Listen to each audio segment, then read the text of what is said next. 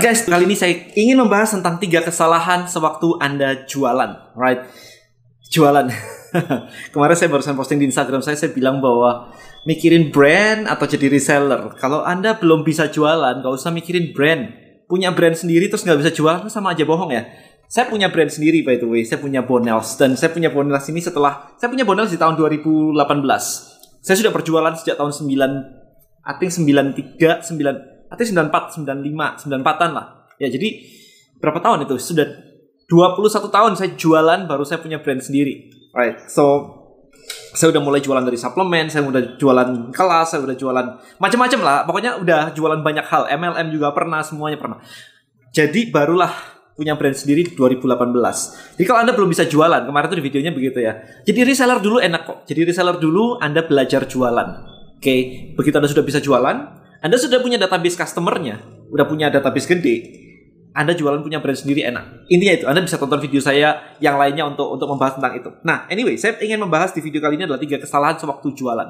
Alright, sewaktu jualan, kesalahan terbesar nih, orang tuh ngepush produk, ini loh bagus, ini bisa ini, ini bisa ini, bisa itu, bisa itu, bisa itu. Dipush. Oke, okay?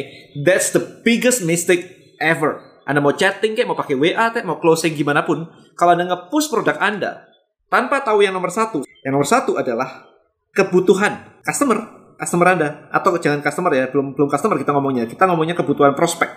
Kebutuhan prospeknya apa? Jangan sok tahu di sini, right? Kebanyakan dari kita sok tahu. Ini kan bagus, jadi kan pasti butuh ini. No, ini kan omongan Anda, bukan otak dia, bukan dia ngomong. Anda harus cari tahu kebutuhan dia apa. Clear, number one. Ini di, kalau Anda bypass nomor satu, dan nomor dua, nomor tiga nggak penting. Karena Anda tidak mengadres kebutuhannya dia. Kebutuhannya dia apa? Nomor satu di situ. Anda cari tahu. Anda mau jualan asuransi. Kebutuhannya apa dulu? Anda mau jualan... Ya, bagi Anda jualan asuransi penting lah, inilah proteksi dan sebagainya. Itu kan di kepala Anda. Customer customer Anda mikir itu nggak? Atau bahkan pertanyaannya, customer Anda ngerti nggak kalau dia butuh itu? Kalau bahkan dia nggak ngerti sama sekali, berarti kebutuhannya nggak ada. Kalau kebutuhannya nggak ada, Anda mau push kayak gimana produk Anda sebagus apa pun nggak bakal nggak bakal bisa. Karena nggak butuh. Oke? Okay? Karena dia tidak aware terhadap kebutuhannya. Dia tidak tahu bahwa asuransi itu penting. Misalnya kayak begitu. Oke? Okay?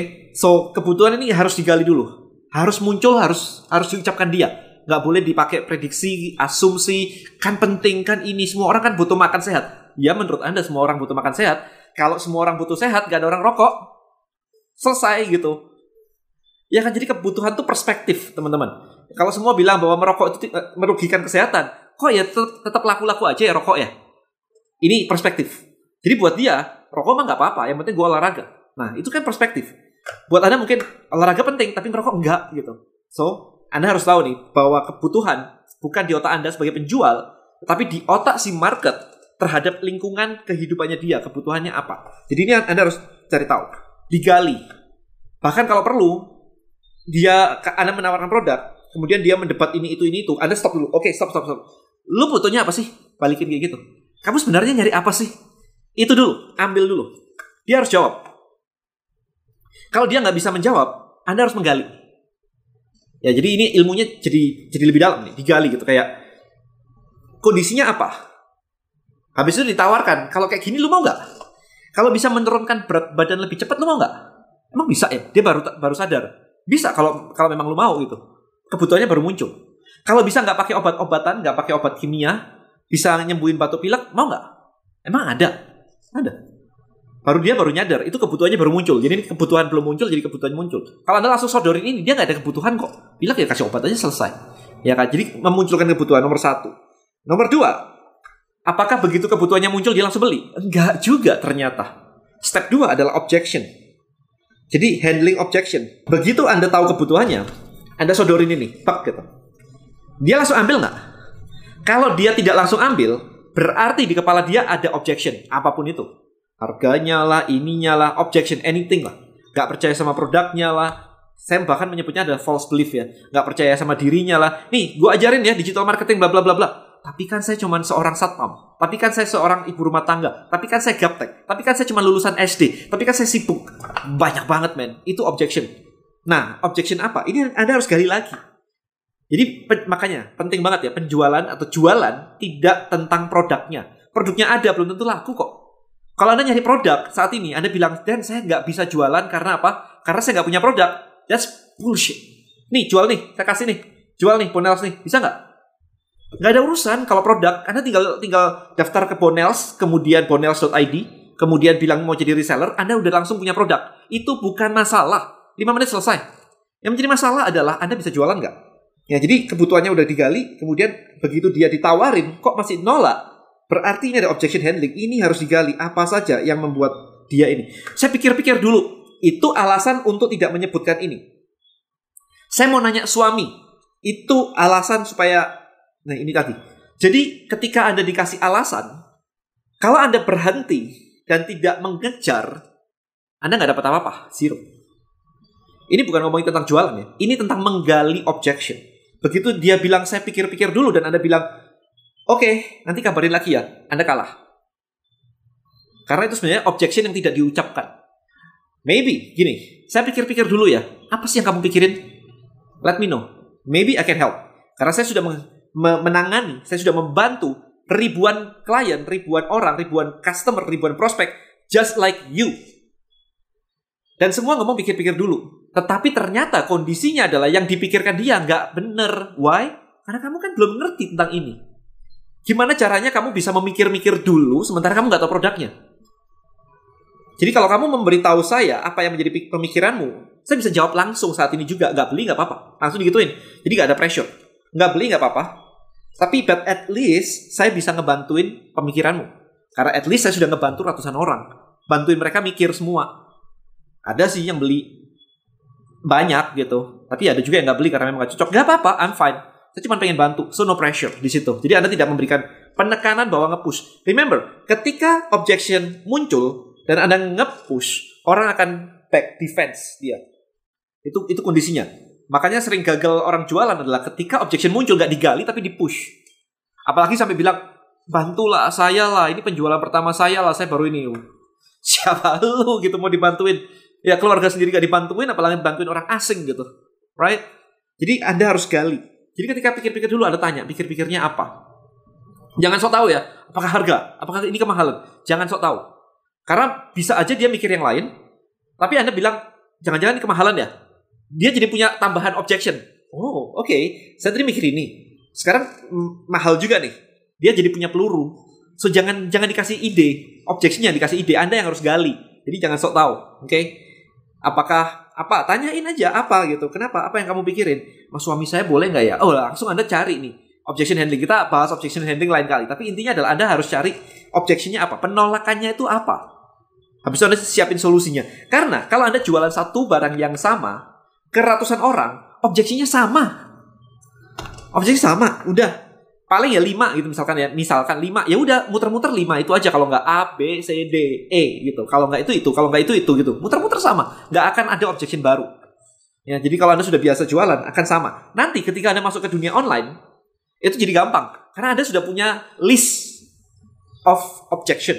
Penolakannya udah ada list jadi Anda tinggal broadcast email, pasang konten ini itu. Ya seputar itu doang gitu. Udah nggak ada yang lain, sesimpel itu. Nah yang ketiga, yang ketiga, ya ini tiga kesalahan waktu jualan adalah lupa cu, lupa closing. Yang anda lakukan adalah anda edukasi, edukasi, edukasi, edukasi dan berharap dia mengerti dan tahu-tahu pengen beli. Anda lupa closing. Jadi mau anda mau ambil yang mana? Jadi anda mau ambil yang warna apa? Jadi anda mau bayarnya kapan? mau dibayar di tempat, bayar COD atau bayar transfer atau pakai kredit card. Mana? Anda Anda lupa closing. Oke. Okay?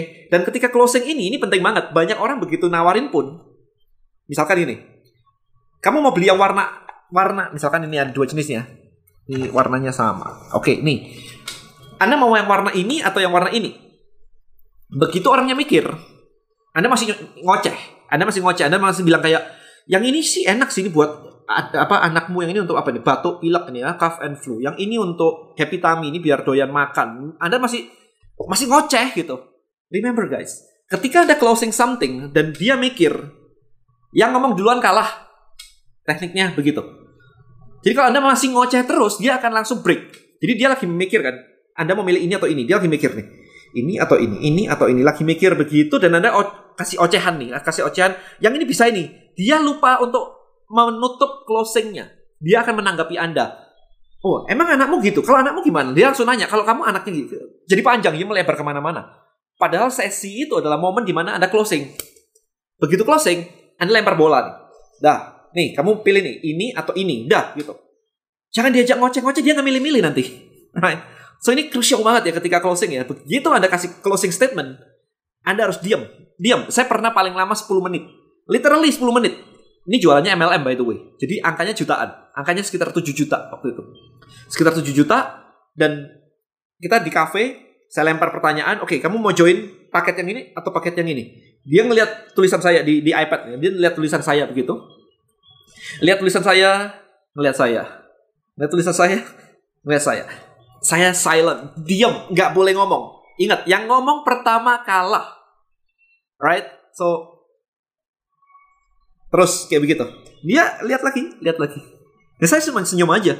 Karena bola di tangan dia. Pertanyaannya adalah lu pilih yang mana? Jangan di jangan di distract dengan noise-noise yang lain.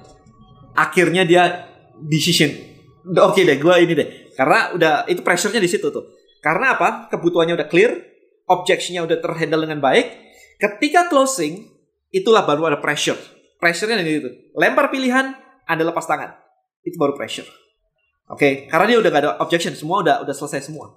Remember, so that's the three step. Yang biasanya orang-orang itu salah ngelakuinnya, oke? Okay? Kebutuhannya nggak jelas, objection nggak handling, dan lupa closing. Tiga urutan ini penting. Jangan dibalik-balik ya. Jangan jangan malah closing duluan. ini kebanyakan orang closing duluan, lupa objection handling, gak peduli sama kebutuhan. yang penting apa kebutuhannya? Barang saya laku. Wah ini parah banget. Ada yang sampai dan bikin trap di Tribelio gimana caranya?